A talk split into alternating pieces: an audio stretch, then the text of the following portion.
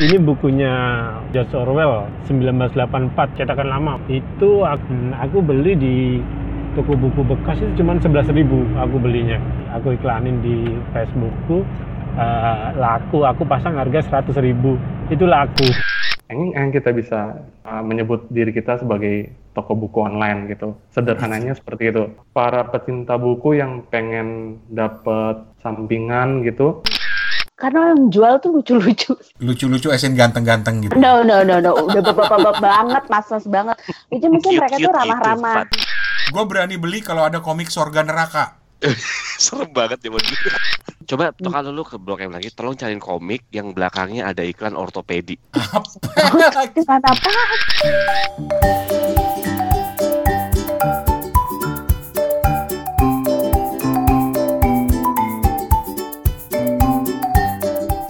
Wes, sekarang lu Pat ya? Lu yang nge-host kan Pat?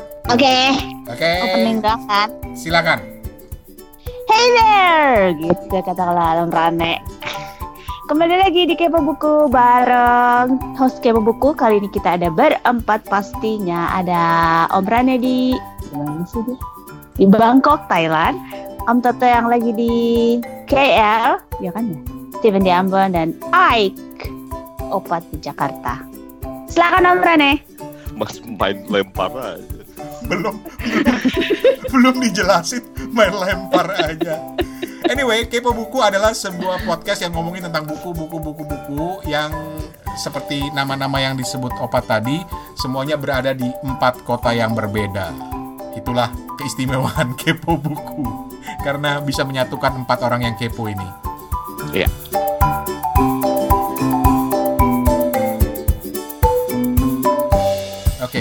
Dan hari ini spesial karena kita pernah dapat kiriman audio dari Hasta di Surabaya. Spesialnya karena dia nggak cerita tentang review buku seperti biasa, tapi dia cerita tentang pengalamannya jualan buku online. Terus yang kedua, pengalaman dia hunting buku loakan. Dan itu menarik karena ketika kita bilang buku nggak semuanya kan harus buku baru. Tapi juga banyak buku-buku loak dan kebetulan di sini ada pedagang buku loak juga yang mau ngomong. Ya bukan begitu opat ya? bukan pedagang. Kok gue? Ta tapi opat ini adalah adalah penggila buku-buku loak. Minimal dia sering nongkrong di salah satu tempat jualan buku bekas terkenal di Jakarta. Nanti opat akan uh, akan cerita. Steven juga mungkin bisa sharing pengalamannya. Toto, lu sering ke beras basah nggak sih, Tok? Sering, lumayan sering. Sering ya? Nah, nanti juga mm -hmm. Toto akan cerita dan gue juga akan sharing pengalaman gue. Tapi uh, yang terpenting adalah ini nanti Steven mungkin akan bisa relate dengan cerita yang pertama ini karena Hasta di Surabaya itu cerita tentang pengalamannya jualan buku online dan ketika dia bilang online itu dia jualnya itu di media sosial. Dia dalam hal ini cerita tentang dia jualannya itu di Facebook. gitu. Jadi kita dengerin dulu rekamannya. Halo, aku Hasta dari Surabaya. Mau ikutan ngomongin soal jualan jualan buku online aja lah. Aku soalnya udah per, udah pernah jualan cuman sekarang lagi lagi vakum. Jadi aku uh, yang aku baca tuh rata-rata buku-buku yang belum kejual. Ini rata-rata buku-buku lama bukan buku-buku uh, buku, buku bukan buku-buku baru. Kalau enaknya jualan buku itu ya kenal sama orang-orang yang uh, terutama pencinta buku ya. Karena ada kadang kan ada pembeli kita yang pecinta buku fanatik kayak bang Stephen mungkin ya. Itu kita udah bisa dapat apa ya? Padahal kita nggak nggak niat baca buku. Kadang kita jual buku itu kan nggak nggak belum kita baca sama sekali kan. Uh, tapi pas ada yang beli terus kita tanya ini kenapa beli buku ini bang? Atau kak gitu. Ya karena buku ini kayak gini kayak gini. Nah itu tuh ilmu yang gimana ya? Yang nggak secara sengaja kita dapat soal buku. Enaknya kalau jual beli buku kayak gitu. Terus karena aku rata-rata jualan buku itu buku-buku lama. Nah kalau referensi buku-buku bagus apa sih yang layak dijual, yang harganya eh, lumayan, Nah, itu aku dapat referensi itu pertama dari catatan pinggir. Itu catatan pinggirnya Gunawan Muhammad itu bagus. Di catatan pinggir kan GM sering ngomongin soal nah, soal buku inilah soal penulis inilah atau sering ngutip di buku inilah. Nah itu kalau sebagai penjual buku ya itu ya bisa jadi referensi buat kita eh, kalau nemu buku di loakan gitu ambil. Nah, ini pasti ini buku bagus nih soalnya eh, pernah diomongin Gunawan Muhammad di catatan pinggirnya. Kalau aku dulu kayak gitu sih referensinya.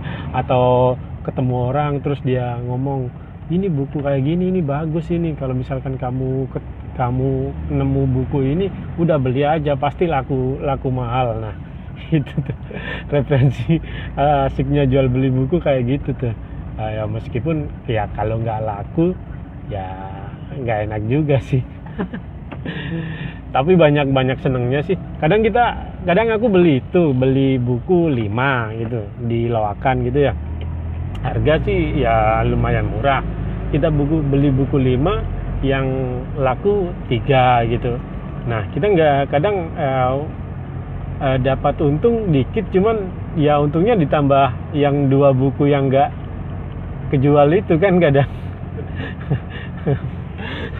Iya kadang jadi untungnya untung untung dua buku. Kadang kalau kita nemu buku bagus gitu ya ya mau dijual juga sayang gitu.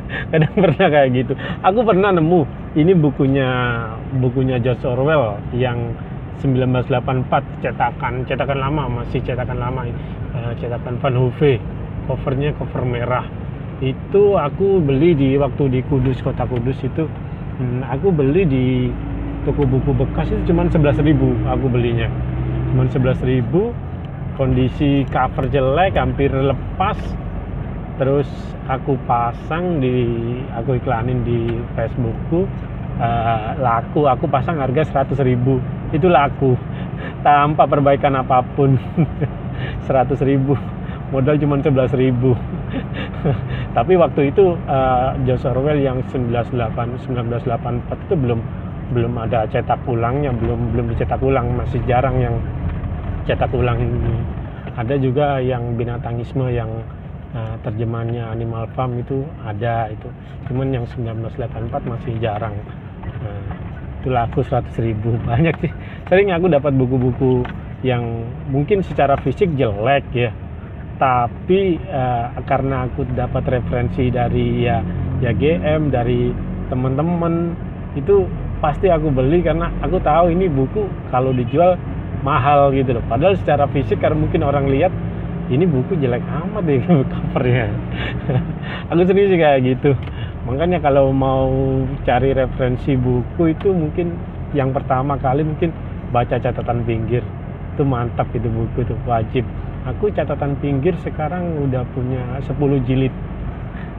Yang 11 belum dapat kalau Bang Steven jual nggak apa-apa atau barter Bang bukuku banyak yang belum kejual-kejual oke Bang Rani makasih Bang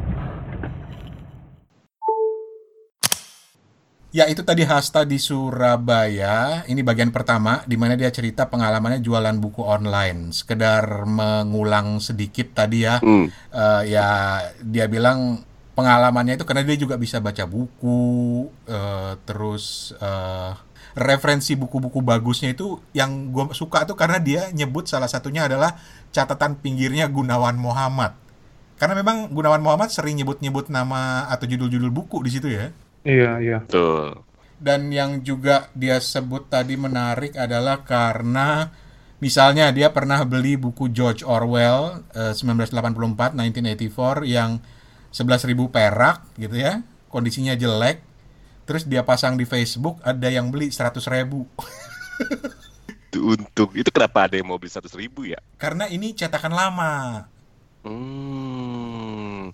collectible. collectible. Jadi ternyata pertimbangannya itu salah satunya karena collectible. Tapi gue sering atau banyak follow orang-orang yang seperti Hasta di Facebook yang jualan buku-buku bekas. Bahkan gue pernah sa- beli satu buku bekas di Facebook itu eh, sebuah buku yang udah lama banget gue cari yang bercerita tentang radio di Indonesia. Itu gue beli, itu bukunya baunya aja udah bau jamur gitu loh. Apa sih bau apa ya? Bau kayu yang jamuran gitu loh. Oh, lepek, lepek. Ah, itu dia, bau apek gitu.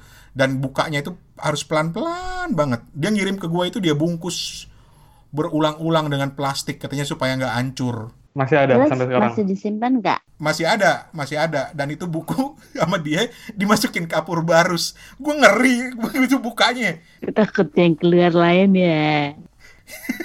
Yang takut yang keluar lain. Tapi itu buku bagus banget.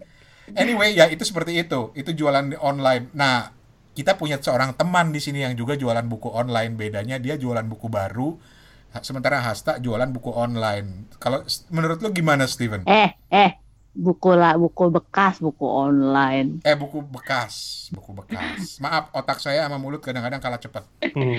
Em, sekarang ini kita di, dimungkinkan oleh sosial media mau kita jualan di sosial medianya langsung atau di marketplace kita sekarang di era yang sangat-sangat dimudahin gitu Hmm. Em, pengalaman aku untuk jualan online itu se- sederhana kalau aku pengen orang itu bisa punya referensi buku yang menurut aku bagus dan kalau bisa bisa didapatin dengan harga yang terjangkau gitu. Dan ternyata sekarang tuh nggak nggak sulit untuk kita buka em, toko buku online karena para penerbit, para penulis itu mereka udah memasarkan buku mereka di media sosial gitu, jadi udah terkenal duluan dan gimana caranya buku ini bisa sampai ke pembeli itu lewat lewat tangan kita gitu, lewat tangan penjual gitu bang, Mas Toto dan Mbak Opat. Dan kalau pengalaman aku, aku nyari buku gitu, waktu itu tinggal nyari kontak penerbit. Yang pertama harus kita pasti, ya, pastikan kita temui dulu, bisa langsung ke kantornya mungkin, ke gudang, ataupun kalau kita berada di luar kota kayak aku, kita kontak email perusahaannya, email penerbitnya dengan maksud ingin menjadi reseller gitu, ingin menjadi penjual kembali buku itu lewat toko buku online kita. Di situ dia bakal beri kita tanyain kan, kita minta gimana ketentuan, gimana teknis penjualannya sampai ke tangan kita gitu. Dan kita akan dikasih tahu berapa jumlah rabat yang dikasih ke kita, berapa jumlah buku minimal yang bisa kita pesan dan singkat cerita ketika kita punya stok, kita punya buku yang bisa kita jual, yang, kita bisa uh, menyebut diri kita sebagai toko buku online gitu. Sederhananya seperti itu. Iya. dan dan itu dan sangat-sangat apa ya?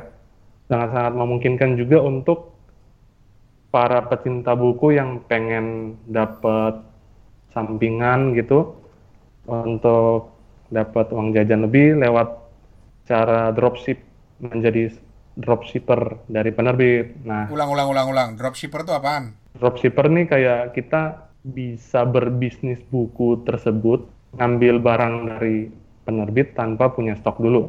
Maksudnya gini, maksudnya kayak kita jadi pemasar aja gitu. Nanti kita terima pesanan, kita kasih ke penerbit, penerbit yang tinggal ngirimin gitu, Oh, terus kita dapat komisi gitu. oh, dari dari senilai transaksinya gitu. Jadi nggak perlu capek-capek atau buang modal dulu buat nyetok barang. Tapi untuk pengalaman aku, aku nyetok barang dulu biar bisa ada barangnya dulu gitu. Maksudnya kayak di tempat aku tuh ada koleksi A, B, C gitu. Jadi pembeli bisa bisa langsung dapetin buku-buku dari penerbit yang berbeda dalam satu tempat, satu toko gitu. Tapi kalau pengalaman Hasta tadi yang jualan buku bekas, menurut lo gimana, Fen? Hmm, karena buku bekas ini juga aku kira ada penggemarnya ya bang ya.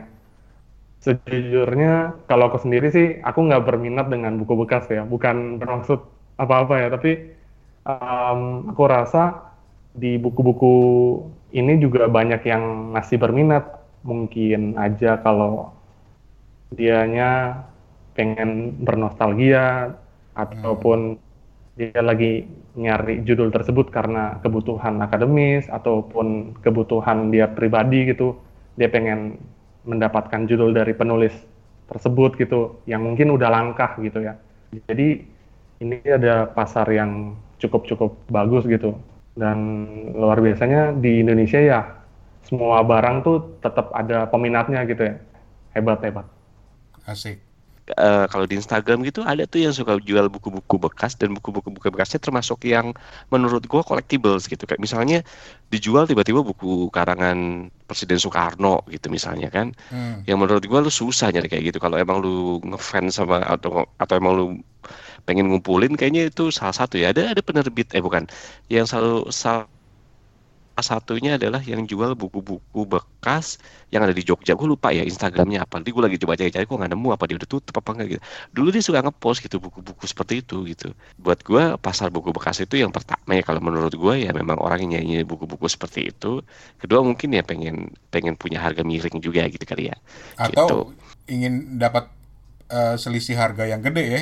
Kayak George Orwell 11.000 belinya dijual 100.000 gitu. seribu iya gitu gitu Kalau Mbak O, Mbak O, opat nggak pernah merhatiin orang dia pelaku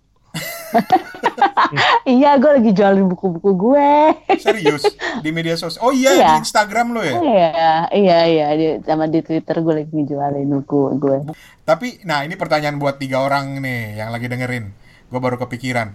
Lo tuh termasuk yang suka membeli buku karena pertimbangan collectibles nggak? Misalnya George Orwell kan banyak sekarang dijual di Gramedia gitu kan, yang terbitan atau yang terjemahannya Landung Simatupang. Tapi kalau ada yang jual George Orwell kayak Hasta ini yang benar-benar edisi lama, masih cover lama, lu termasuk yang mempertimbangkan akan membelinya nggak?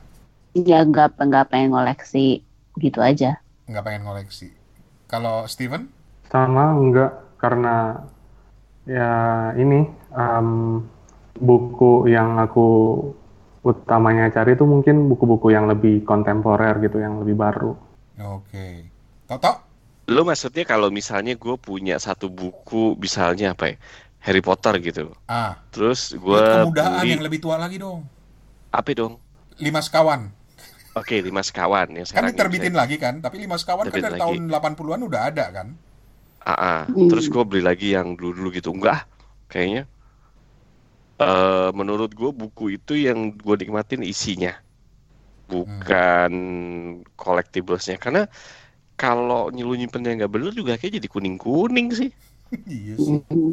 Hmm. yang ada sakit di mata gitu buat apa juga gitu kan lo menyimpan sesuatu karena pengen lo nikmatin kan tapi kalau akhirnya pada dasarnya nggak ingin menikmatin eh nggak bisa dinikmatin lagi ya susah juga gitu Karena memang prioritasnya bukan koleksi ya, Om ya. Hmm. Kalau yang prioritasnya untuk koleksi ya beda lagi pastinya. satu sa- satu-satunya yang gua beli dan lumayan agak lengkap itu adalah Little Prince Dari berbagai bahasa.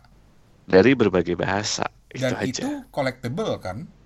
Benar, benar. enggak gua tidak mengum gua tidak motivasi gua ngumpulin itu bukan tidak eh bukan tidak bu- bukan untuk collectibles Tapi, tapi sebagai motivasi gue untuk belajar bahasa asing itu gitu Hmm. that's all gitu jadi gue pengen jadi gue Iya, iya. pengen baca Little Prince di bahasa Perancis gitu nanti suatu ketika pengen bela- pengen baca eh, misalnya eh, dalam bahasa Arab karena gue punya edisi bahasa Arabnya juga misalnya kayak gitu gitu Yang bahasa Sunda udah belum, Om? iya belum beli Serius, ada Little Prince bahasa Sunda? Ada, ada. waktu itu kita Pernah bahas? pelupa dia lah. Gue pikir itu bercanda. No, no, no, it's serious. Oh, oke. Sementara kalau gue, kalaupun ada ya yang gue cerita tadi buku tentang radio karena memang kebutuhan gue ingin nyari referensi tentang sejarah radio gitu. Itu yang itu yang pertama. Tapi ada satu buku gue pernah kayaknya bahas di Kepo Buku yang sampai sekarang gue mau cari versi lamanya bukan hanya untuk kepentingan collectibles, tapi karena gue suka terjemahannya, yaitu Apa, bukunya Dr. Karl May, serial Winnetou ketua suku Apache. Oh, itu. Karena gue merasa terjemahan barunya dari buku-buku Dr. Karl May itu Hmm. buat gua nggak nggak serak gitu loh. Gue udah pernah beli beberapa, buat gua nggak serak. Walaupun katanya yang menerjemahkan itu penggila beratnya Dr. Kalmay. Sementara buku yang versi lama, yang kertasnya masih kertas kuning-kuning, sampulnya tipis gitu, itu eh, terbitan Balai Pustaka dan itu bagus banget ceritanya menurut gue. Apa bahasanya, terjemahannya itu bagus banget menurut gue. Ya tapi fontnya kan masih kayak ketikan gitu kan ya, yang Iya. lama ya.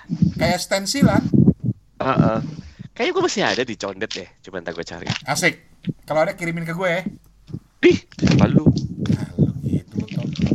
Ini siapa sih yang niup-niup Saya mikrofon? geluduk geluduk geluduk geluduk nih lagi ngapain sih? Boy, Oke. ini opat Lanjut. tuh lagi mandi pasir apa gimana? Ke mana? Gomene, gomene. Oke,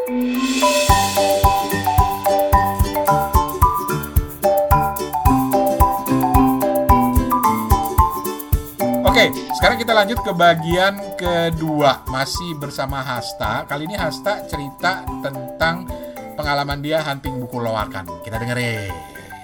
Cus. Ini aku mau cerita lagi nih eh, soal asiknya hunting buku-buku lama. Itu kebetulan kan rumahku itu deket kampung ilmu tempatnya jualan buku bekas di Surabaya. Jadi aku sering main-main ke situ. Nah, di situ asiknya hunting buku-buku lama itu ada kayak gimana ya ada gregetnya sendiri dibanding kalau kita misalkan ke toko buku baru kayak ya Gramedia lah, Toga. Kalau di situ kan enak kita cari buku maksudnya kalau toko-toko buku baru ya. Kalau kita ke toko terus kita tinggal tanya sama sama penjaga ini buku ini di mana di mana? Tinggal itu. Tapi kalau di eh, tempat loakan kita mesti apa ya bongkar satu persatu. Kita juga nggak tahu kita bakalan nemu buku apa sih eh, hari ini gitu loh. Aku dulu pernah nemuin ya 1984 itu di Kudus. Kalau di Surabaya itu aku pernah nemuin eh, catatan hariannya Ahmad Wahid yang pergolakan pemikiran Islam itu ditumpuk jadi satu di bagian komik. Nah, di bagian komik. Kalau di bagian komik rata-rata jualnya murah, 5000. Nah, itu buku ditumpuk di bagian komik. Aku tawar sama orang, kalau ini berapa, Bang? Gitu. Oh, itu murah, 5000. Nah, bagi yang yang belum tahu apa itu eh, catatan hari catatan eh pergolakan pemikiran Islamnya Ahmad Wahid browsing deh. Itu buku kan buku gimana ya? Wah katanya dulu anak pesantren dilarang baca buku itu karena pemikirnya terlalu terlalu ribel, liberal lah. Nah, itu aku dapat buku itu eh, cover lama cetakan cetakan kedua kalau nggak salah itu eh, harganya 5000 nah itu banyak aku eh, dapat buku-buku kayak gitu buku-buku aneh yang eh, secara eh, mungkin kalau kita ngandelin eh, informasi buku-buku baru kita mungkin nggak tahu kalau itu buku eh, buku ba- buku bagus ya. Aku dapat info-info kayak gitu kan dari ada dari guruku yang dia juga suka buku-buku lama gitu Eh, dapat info dari dia dari temanku yang juga suka buku nah kalau emang kalau buku-buku lama mesti kita harus cari info dulu buku-buku yang bagus tuh buku-buku yang kayak apa sih gitu. Nah, ada lagi kalau buat referensi itu eh, majalah Tempo yang 100 catatan yang membentuk Indonesia. Nah, itu banyak sekali eh, buku-buku atau novel atau teks-teks yang eh, mungkin udah tahu terbitan lama ya, tapi mungkin bagus. Nah, menurut Tempo itu ada novelnya Ketut Tantri yang Revolusi di Nusa Damai. Itu pun aku dapat diloakan juga. Pertama dapat eh, yang cover cover lumayan baru cetakan Gramedia, terus eh, dapat lagi yang cover lama itu yang cover pertama kali itu yang lebih bagus lah pokoknya. Nah, yang cover baru ini aku jual, aku jual murah cuma 30.000 ribu. Sering aku dapat ya itu. Nah, yang di Tempo itu banyak termasuk pergolakan pemikiran Islamnya Ahmad Wahib, eh, terus nyanyi sunyinya Pramudia, eh, terus eh, ada mungkin Siti Nurbaya juga masuk, eh, tenggelamnya Van der Wijk itu ada di situ. Nah, kalau misalkan teman-teman eh, mau nyari Tempo itu ya nggak tahu ya sekarang belinya di mana ya. Kalau aku sih punya, soalnya aku kan ngumpulin sering ngumpulin itu ya Tempo yang edisi khusus itu. ya, udah segitu aja kali ini bang. Itu dia Hasta di bagian kedua yang cerita soal hunting buku loakan dan menarik banget karena dia memang tinggalnya di dekat tempat jualan buku loakan di Surabaya namanya Kampung Ilmu gitu. Terus eh, dia merasa hunting buku loak itu lebih greget karena kalau ke toko buku kan tinggal nyari beli gitu loh. Kalau di loakan itu ada tantangan untuk mencari termasuk ketika dia mencari referensi tentang buku-buku bagus dari catatan pinggirnya Gunawan Muhammad. Eh, terus pengalaman dia tadi dia cerita dia ketemu buku eh, pemikiran Islamnya Ahmad Wahib. Ini kalau yang hidup di tahun-tahun 90-an, ini adalah salah satu buku yang dilarang karena dianggap terlalu liberal.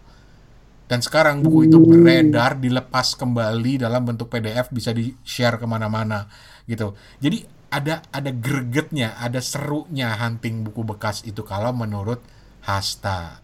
Nah, ada temen yang bisa dibilang preman blok M yang sering Siapa tuh? nggak tahu gue siapa tapi dia sering banget cerita lagi ada di pasar buku di blok M ya nggak Pat? Iya. itu bukan hanya pasar buku bekas kan Ada batuk akik juga ada. kenapa larinya ke batu akik Karena dia tahu lu suka ngumpulin batu akik. jadi jadi jadi cerita dong blok M dong karena tadi Hasta udah cerita eh, tempat jualan buku bekas di Surabaya Jadi si Blok M ini si uh, pusat buku bekas Blok M ini terletak di Blok M Square ya teman-teman. Blok M tuh banyak mallnya, banyak mallnya. Jadi pilihnya ke Blok M Square. Blok M Square itu ada Lantai, di lantai. sampingnya lantai paling bawah, lantai D apa G gitu gue lupa. Nah ini tuh di lantai ini tuh banyak nggak cuma buku ada batu akik gitu yang seperti ku bilang ada uh, uh, kaset, kaset as in kaset kaset kaki Hah? nggak nggak lanjut lanjut lanjut terus mau ngegaring ya. gagal garingnya Nah, terus si buku bekas ini kalau nggak salah ya, ini tuh dulu pindahannya dari Kuitangan, Kuitang wis gak ono saiki. Eh, udah nggak ada kan sekarang ya, kalau nggak salah. Iya kan? Atau dan Senen. Lupa deh, ini tuh pokoknya pindahannya banyak-banyak pindahannya di ke Blok M Square ini gitu. Dan koleksinya itu gak main-main menurut aku ya. Maksudnya dari yang buku novel biasa novel biasa ini maksudnya yang uh, banyak beredar di toko buku mayor juga. Uh, kemudian ada buku komik pastinya, komik murah. Kemudian ada buku pelajaran, eh, buku segala macam sampai buku-buku langka atau yang lo tahu ini kan Om, ensiklopedia Britania itu. Hmm, hmm. Nah, itu juga ada. Hmm. buku pintarnya Iwan Gayo ada nggak Iya ada nggak Nah, tuh? ada. Eh, ngomong-ngomong Iwan Gayo itu bapaknya temen SD gue. Aduh.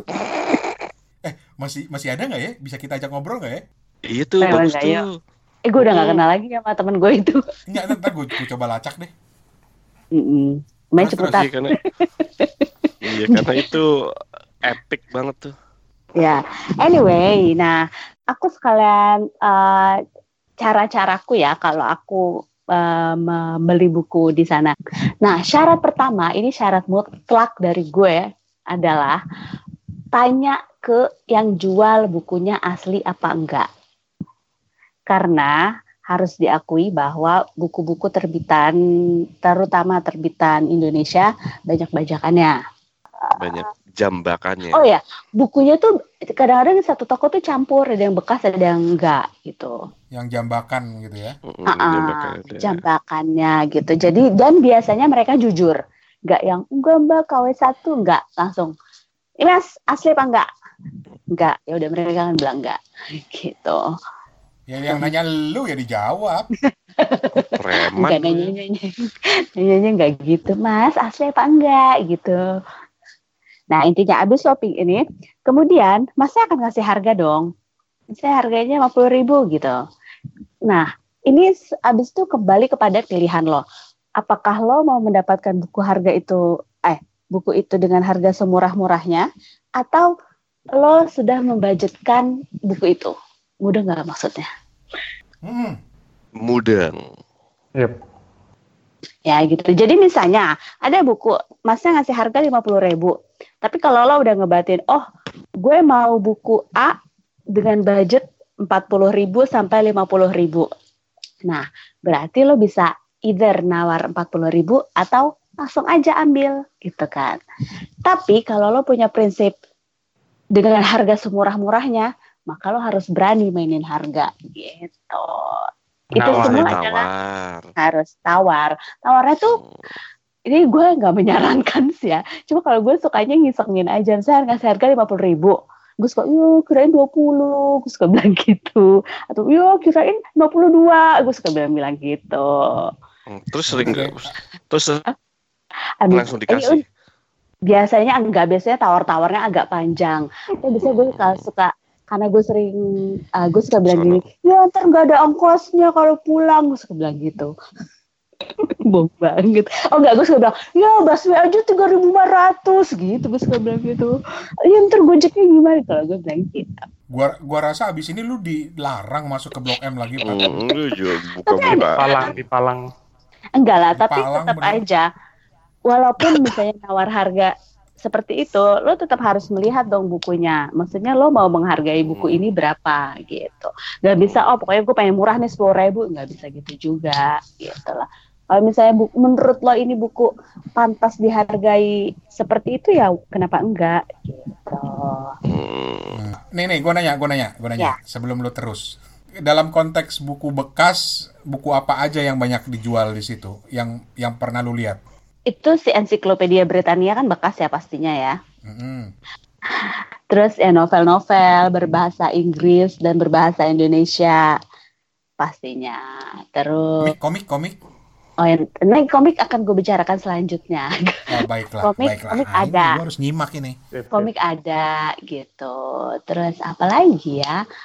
Eh, kuliah. buku kuliah tuh ada juga. Kalau bukunya buku lama tuh biasanya mereka ada eh, beberapa toko yang memang dia mengkhususkan bukunya lebih lama daripada toko-toko lainnya gitu. Dan lo bisa nyari dan nanya-nanya di sana.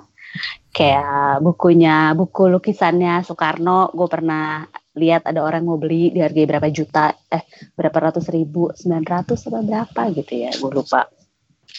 Terus ada juga buku-buku langka-langka tuh juga ada tokonya sendiri gitu. Banyak deh.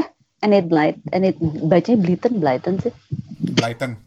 Blighted. Blyton, nah itu juga banyak. Agatha Christie banyak. Kayak novel-novel pada umumnya lah.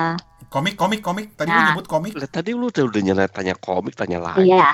Komik ini banyak, serius om, banyak banget. Keluaran lawas ada, keluaran baru ada, second biasanya. Dan kalau lo butuh lengkap, full collection lo bisa request. Oh. Itu komik apaan? Apa aja. R.A. Kosasi itu bisa. Ih, coba aja tanya. Ada dong. Ganesha, Ganesha. Ganesha. Hmm. Gue mau nyari komik eh, Petruk masih ada nggak ya? Yang dulu Ya, dijual gocap. Gue berani beli kalau ada komik Sorga Neraka. Serem banget zaman dulu. Gue nggak tahu ya, gue nggak pernah nanya ada komik surga neraka apa enggak. Opat, opat, Bisa Hmm. opat. dalam Coba Hmm. kalau lu ke Blok M lagi, tolong cariin komik yang belakangnya ada iklan ortopedi. Apa? iklan apa? Komik apa? Eh, zaman dulu kan di komik-komik zaman dulu kan belakangnya ada iklan itu peninggi badan Terus ortopedi. Lu pasti kagak inget sih lu? Ya, berarti itu komik lama banget. Kalau gue sih ya ini ini sih ini lebih kepada collectible lah ya. Gue pengen banget punya buku Sorga Neraka itu yang pertama. Yang kedua, gue tuh pengen banget bu- punya majalah Epo. Ada yang tahu nggak? Ada yang inget nggak? Nggak tahu, Tahu. bukan ingat. Ini majalah apa? Eh, Steven tahu tuh Steven. Nggak tahu, nggak tahu. Kepo. Oh nggak tahu. Kepo kali. E E P P O.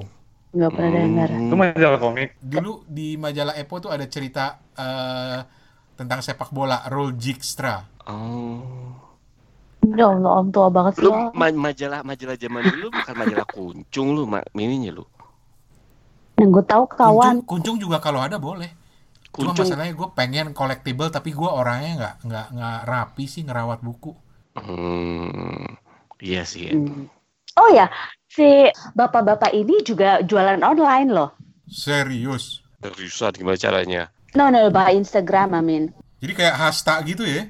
Oh ya, terus gue ya, terus kan sih kalau Mas Hasta ini, eh Mas Hasta kan Mar, dia kan misalnya jual buku, eh beli buku 11, jual 100 gitu kan, kayak yang tadi di cerita pertama. Kalau gue nggak bisa, orangnya nggak bisa gitu.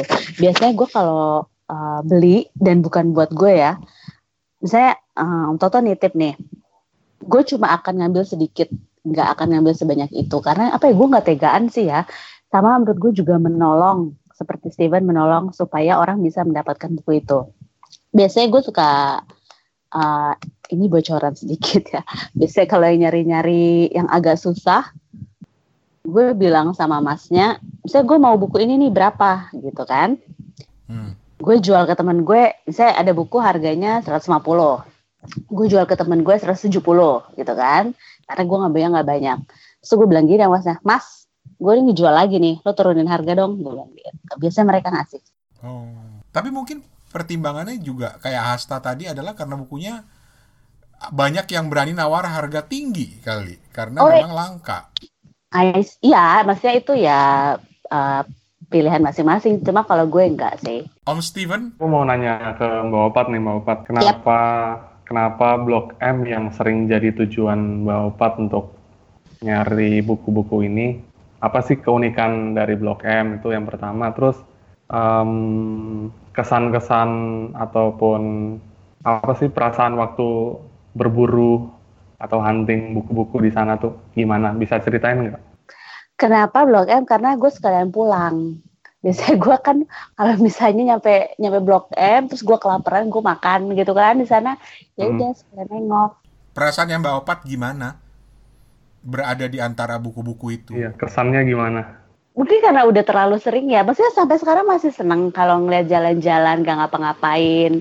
Ya itu terus uh, karena yang jual tuh lucu-lucu. Tapi gue cuma pengen suka ngeliatin orang mereka main catur doang. Udah bisa gue liat, eh kocak ya mereka udah gue tinggal gitu. Lucu-lucu esen ganteng-ganteng gitu. No no no no, udah bapak-bapak banget, mas-mas banget. Itu mungkin mereka tuh ramah-ramah. Cute. Iya kali. Maksudnya mereka yang ramah-ramah gitu dan mereka sangat helpful, eh, helpful tuh apa? Hmm. Sangat membantu gitu. Dari Blok M kita ke Singapura. Orang-orang penggila buku itu selalu demen nyari eh, buku di beras basah. Apa sih spesialnya toh? Di Beras Basah itu kan sebenarnya komplek toko buku ya. Tapi toko Hmm. bukunya memang ada beberapa toko buku bekas. Di situ juga ada toko buku gede, populer gitu. Tapi sebenarnya para mahasiswa suka ke situ karena pertama itu nggak cuma komplek toko buku, kedua itu juga komplek yang banyak jual alat-alat musik gitu kan. Juga eh, supply eh, art and kayaknya di sana deh. Art and apa sih namanya? Gitu ya. Jadi orang banyaknya nyari yang buat dia kan tokonya gede juga. Nah, ada beberapa toko yang memang dia jual buku, eh, ada yang spesialisasinya buku musik. Jadi segala macam buku musik ada di situ. Terus kebanyakan kalau buku yang ada di Belas Pasar kalau ngomong buku bekas itu biasanya adalah buku buku textbook gitu. Kebanyakan Oh, textbook. jadi kebanyakan textbook. Kebanyakan textbook. Buku-buku yang udah nggak dipakai sama mahasiswa dijual, dijual lagi kembali di situ gitu. Biasanya kan buku-buku textbook itu mahal ya, nggak murah juga gitu kan. Even edisi internasional aja mungkin udah 100 dolar gitu. 100 dolar kan ya mahal gitu untuk ukuran Singapura Iya. juga 100 dolar kan. Ya bi- akhirnya beli aja buku bekasnya, biasanya di situ ada. Gitu. Lah, lu sendiri kalau ke sana nyari apa? Hmm, gue ya karena gitu nyari textbook ke sana gitu. Terus eh, lihat-lihat aja buku bekasnya ada apa gitu. Ya cuman iseng aja kadang-kadang suka lihat aja buku-buku. Kadang-kadang suka gue eh, apa namanya? Suka gue lihat cuman kadang-kadang ambil satu textbook gitu kadang-kadang lihat kan buku-buku itu biasanya udah dicoret dari stabil dulu gitu kadang-kadang yang lihat itu aja sebagai hiburan aja ya biasanya kan udah tulis-tulis tuh catatan dia kayak apa hiburan aja gitu dan Lagi nih. Ya iya lucu, karena kan textbook ya namanya. Kan kebanyakan textbook ya kayak gitu. Terus ada satu toko buku yang kebanyakan toko buku-buku grafik, tapi itu kayaknya toko buku yang baru deh, bukunya baru baru gitu. Hmm, Gitu. Gitu aja sebenarnya. Oke. Hmm. Terus di Bangkok sendiri, gue malah tertarik nanya Steven nih, karena di Bangkok ada yang namanya Dasa Books. Itu toko buku bekas tiga lantai. Iya. Hmm. Nah, Steven sempat main ke sana. Gimana impression lo, Steven? Impresi pertama aku tuh, yang pertama tuh udaranya sejuk banget di dalam. Waktu itu kayak apa Bangkok panas banget. Terus kedua aroma kopi, terus sama kesibukan mereka untuk menghidangkan segelas kopi kepada pengunjung yang kebetulan duduk-duduk ataupun lagi nyantai gitu sambil lihat-lihat keadaan, lihat-lihat buku.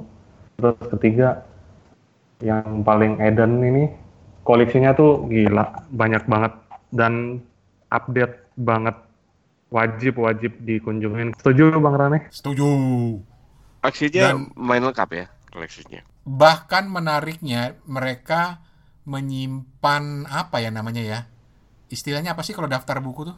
Kalau katalog katalog Katalog. Katalog. Katalognya itu ada di online dan selalu mereka perbarui tiap hari Hmm. bayangin tiap hari. Jadi lu bisa ngecek tuh. Nih kalau lu mau ke Dasa Books, lu lihat aja dulu katalognya, buku-buku apa aja yang ada di situ, lu bisa search. Terus Oke. nanti lu bisa lihat dan lu bisa datang ke sana tunjukin katalognya. I see. Gitu. Jadi kalau mau download katalognya itu ada di dasabookcafe.com. dasabookcafe.com dan yang gue suka juga dari Dasabook ini adalah karena dua hal. Yang pertama, interiornya tuh lucu, bagus, nggak ada bau apek kayak toko-toko buku bekas gitu. Seperti kata Steven tadi bau kopi. Dan lantai 2 dan lantai 3 itu masih dari kayu gitu loh lantainya. Jadi kalau lu jalan tuh bunyi kreot, kreot apalagi kalau gue yang berat gini. Bol langsung. gitu. Dan yang kedua, yang gue suka adalah karena kar lu udah beli buku, lu udah baca, terus lu mau kembaliin, bisa nanti lu akan dibeli dengan kredit buku. Jadi misalnya lu harga bukunya 300 baht misalnya. Oh. Itu udah mahal buat buku bekas. mahal banget Lu balikin ke dia, nanti dinilai tuh, ada nilainya, lu dapat berapa bat. Misalnya lu dapat 150 bat kredit buku. Jadi bukan dalam bentuk uang, tapi dalam bentuk kredit buku yang bisa lu pakai buat beli buku yang lain lagi. Oh di Singapura juga pernah tuh ada kayak gitu tuh. Iya kan? Buku-buku. Jadi eh. perputaran buku bekasnya itu terus aja. Cuman kalau yang di Singapura pernah gue lupa nama toko bukunya apa.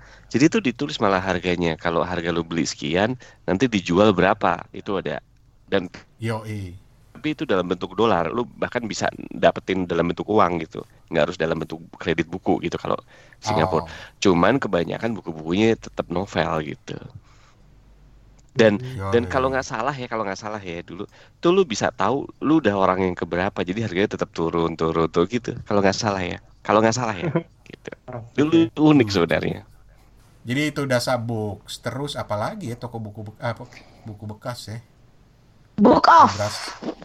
Book Off itu buku itu jaringan toko buku bekas yang ada di Jepang yang menjual buku-buku bekas tapi juga banyak buku-buku bahasa Inggrisnya makanya banyak orang-orang asing yang suka ke Book Off Book of tuh keren banget. Book of tuh keren, Keren. banget. Cuma yang gede itu banyak yang tutup sih sekarang. Hmm. Oh ya. Hmm, Book of tuh buku karena gue nyari buku bahasa Inggris ya. Book of tuh bukunya murahnya tuh murah banget dan masih kualitasnya masih bagus banget banyak. Jadi Yoi. yang lagi main-main ke Jepang jangan lupa mampir Book of. Mampir ke Book of. Dan ya itulah nasib tinggal di negara yang bukan berbahasa Inggris kayak Jepang dan Bangkok. Selalu kita nyari buku-buku yang eh, berbahasa Inggris gitu loh. Ngomong-ngomong Jepang, Om Rane pernah ke Infinity Books yang di Asakusa nggak? Eh, belum. Hmm, Itu toko buku apa? toko buku bekas. Oh, apalagi? Oh, di Taman Mini juga ada eh, toko pasar buku bekas. Hah, taman Gua- ini sebelah mana? Iya, di Taman Mini tuh ada. Bentar, gua nginget-nginget dulu. Kemarin dia bilang gua nggak- anjungan apa? Anjungan Papua kalau nggak salah dulu itu.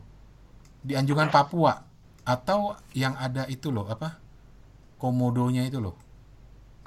Komodo Nusa Tenggara Barat tuh. Nusa Tenggara Barat. Coba. Ya kan deketan. Anjungannya bukan daerah. Tapi ini ya, yang menarik karena toko-toko buku bekas di Taman Mini itu, gua nggak tahu kalau ada yang dengerin dan tahu masih buka apa enggak. Yang menarik itu karena di situ banyak buku-buku sastra klasik, terus buku-buku sejarah. Jadi buku-buku yang yang apa ya, yang yang klasik-klasik gitu loh. Buku-bukunya Soekarno. Gue pernah beli buku Soekarno-nya yang ditulis Cindy Adams di situ, di bawah bendera revolusi. Gue pernah beli di situ gitu. Dan gue tahu ini karena dulu gue waktu di kampus eh, teman-teman di senat itu nggak usah ditanya nggak usah ya tahun segitulah Eh, Aku belum teman-teman ya. senat senat dulu itu gua nggak tahu sekarang tapi teman-teman senat mahasiswa itu dulu punya program eh, tiga bulanan yang mendatangkan para pedagang buku bekas dari Kuitang dan dari Taman Mini jualan di lorong-lorong kampus selama satu minggu. Rane kampusnya mana sih? Depok. Oh. gitu. Itu menarik banget karena ya satu minggu lo bener-bener menikmati kampus tuh berubah jadi pasar buku murah. Dan itu mereka datang dari Kuitang dari Senen dari eh, Taman Mini. Mereka meng- meng- mengubah satu kampus tuh jadi toko buku bekas. Sekarang yang di Oh. Kuitang masih ada Rangga nggak sih? pasti suka. Rangga Ya? pasti suka. Kuitang udah nggak ada. lagi tahun Kuitang udah nggak ada ya? Kalau di yang di Nggak Senen masih ada nggak? Sen. masih masih masih. Senen masih ada, oke. gitu di Senen masih ada sedikit kalau Kuitang itu ya gara-gara itu tadi ada di film AADC jadi ngetop gitu loh Terus udah apa nggak ada lagi sekarang?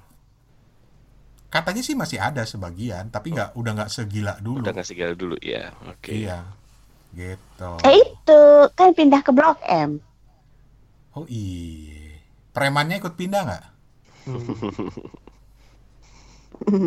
Gua dendam nih. Gua pernah beli buku kamus bahasa Indonesia di sana. Hmm. Terus? Terus pas keluar dari tokonya dipalak sama orang situ. KBBI. bukan bukan. Eh, eh, Inggris Indonesia Hasan Sadili.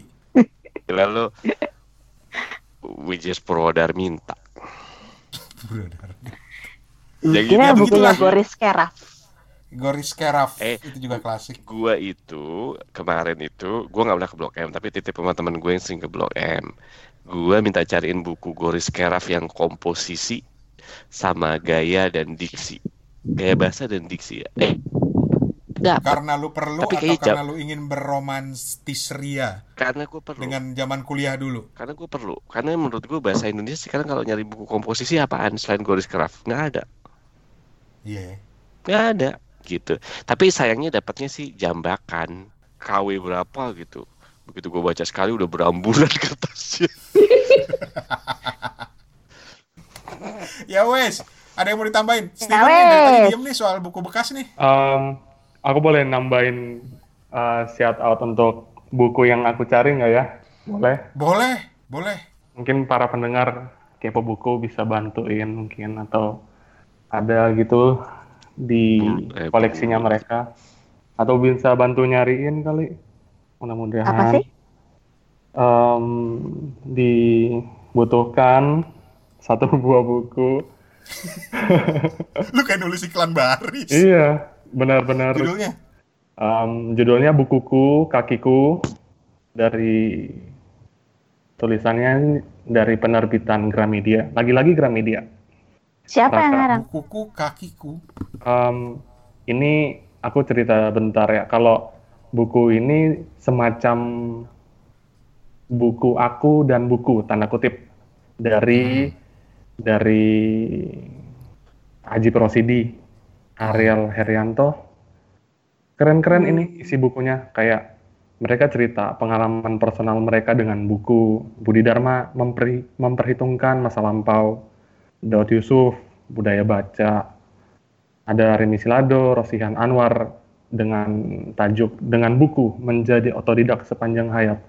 Oh, jadi itu kumpulan tulisan-tulisan orang tentang buku. Iya, pengalaman dia bersama buku.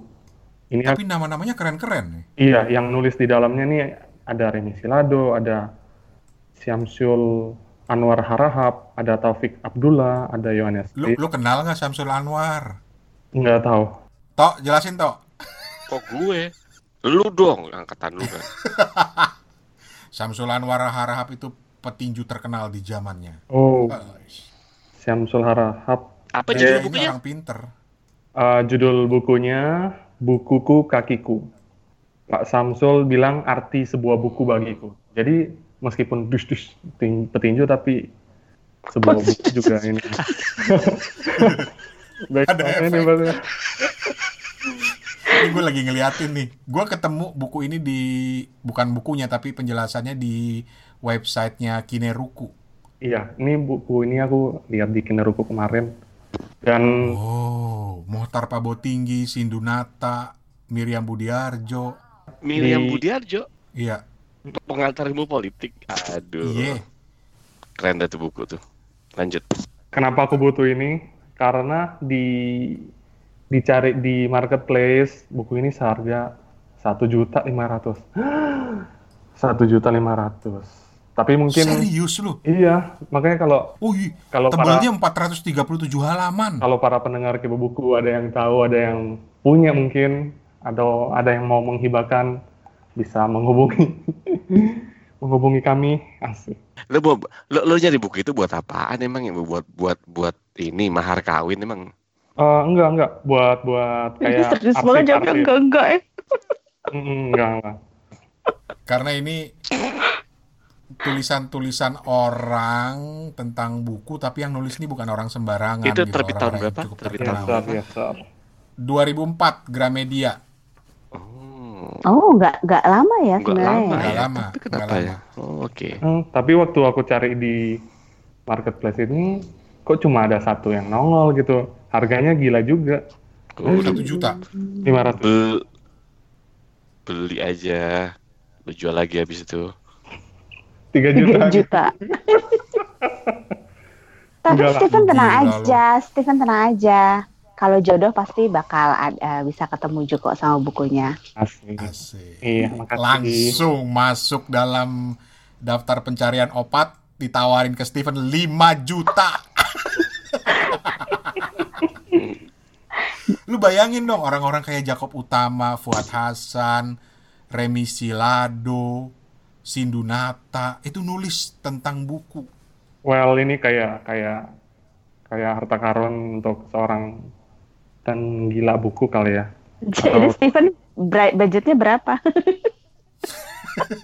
Yang pasti di bawah itu.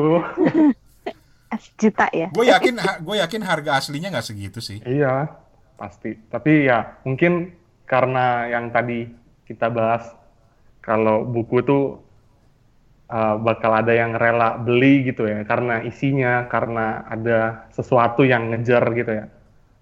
Pasti ya diambil tapi nggak nggak masuk di budget aku gitu. Sayangnya gitu. Oke. Yep. Jadi sekali lagi ada tiga buku yang dicari di sini. Yang pertama bukunya Winnetou, karya Dr. Karl May. Itu gue berani beli. Budgetnya Yang Budgetnya bisa berapa? disebutkan, bisa disebutkan. budgetnya wajar lah, jangan terlalu gila juga. Nego halus dikit itu boleh ya.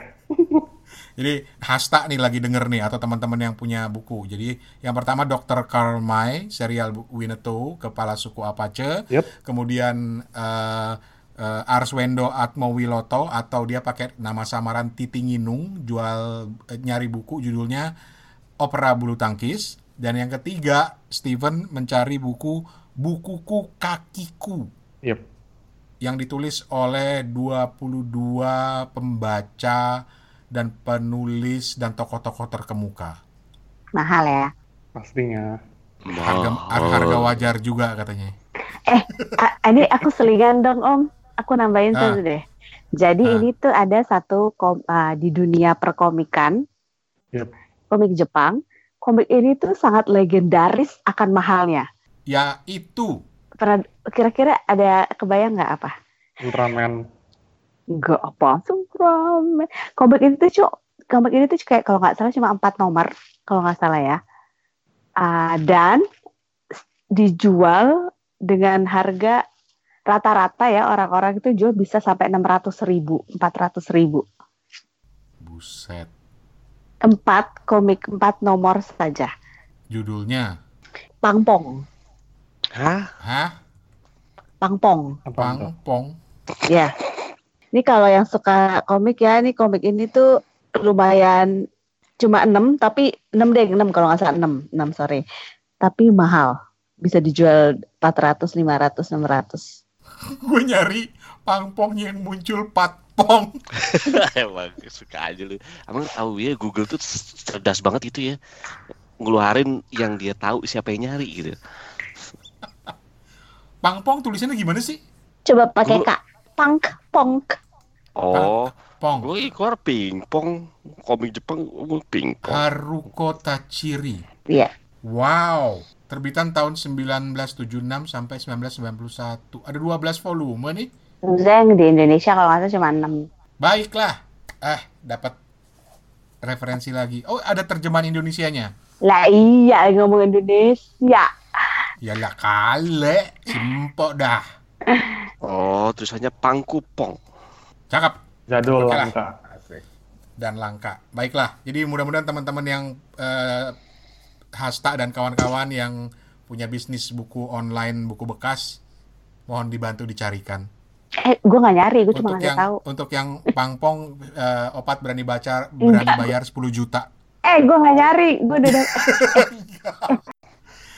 Baiklah, terima kasih banyak buat Hasta di Surabaya yang sudah memicu kami untuk ngobrol tentang buku bekas dan toko buku loak.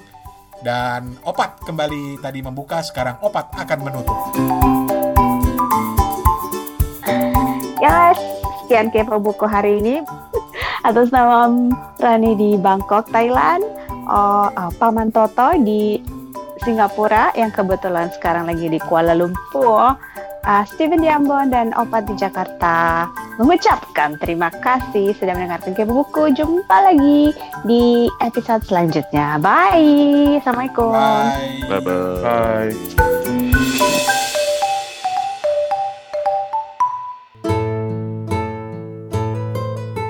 Hey there, ada pesan penting dari kami para host Kepo Buku, Steven, Opa, Toto, dan juga gue Rane menjelang bulan Ramadan.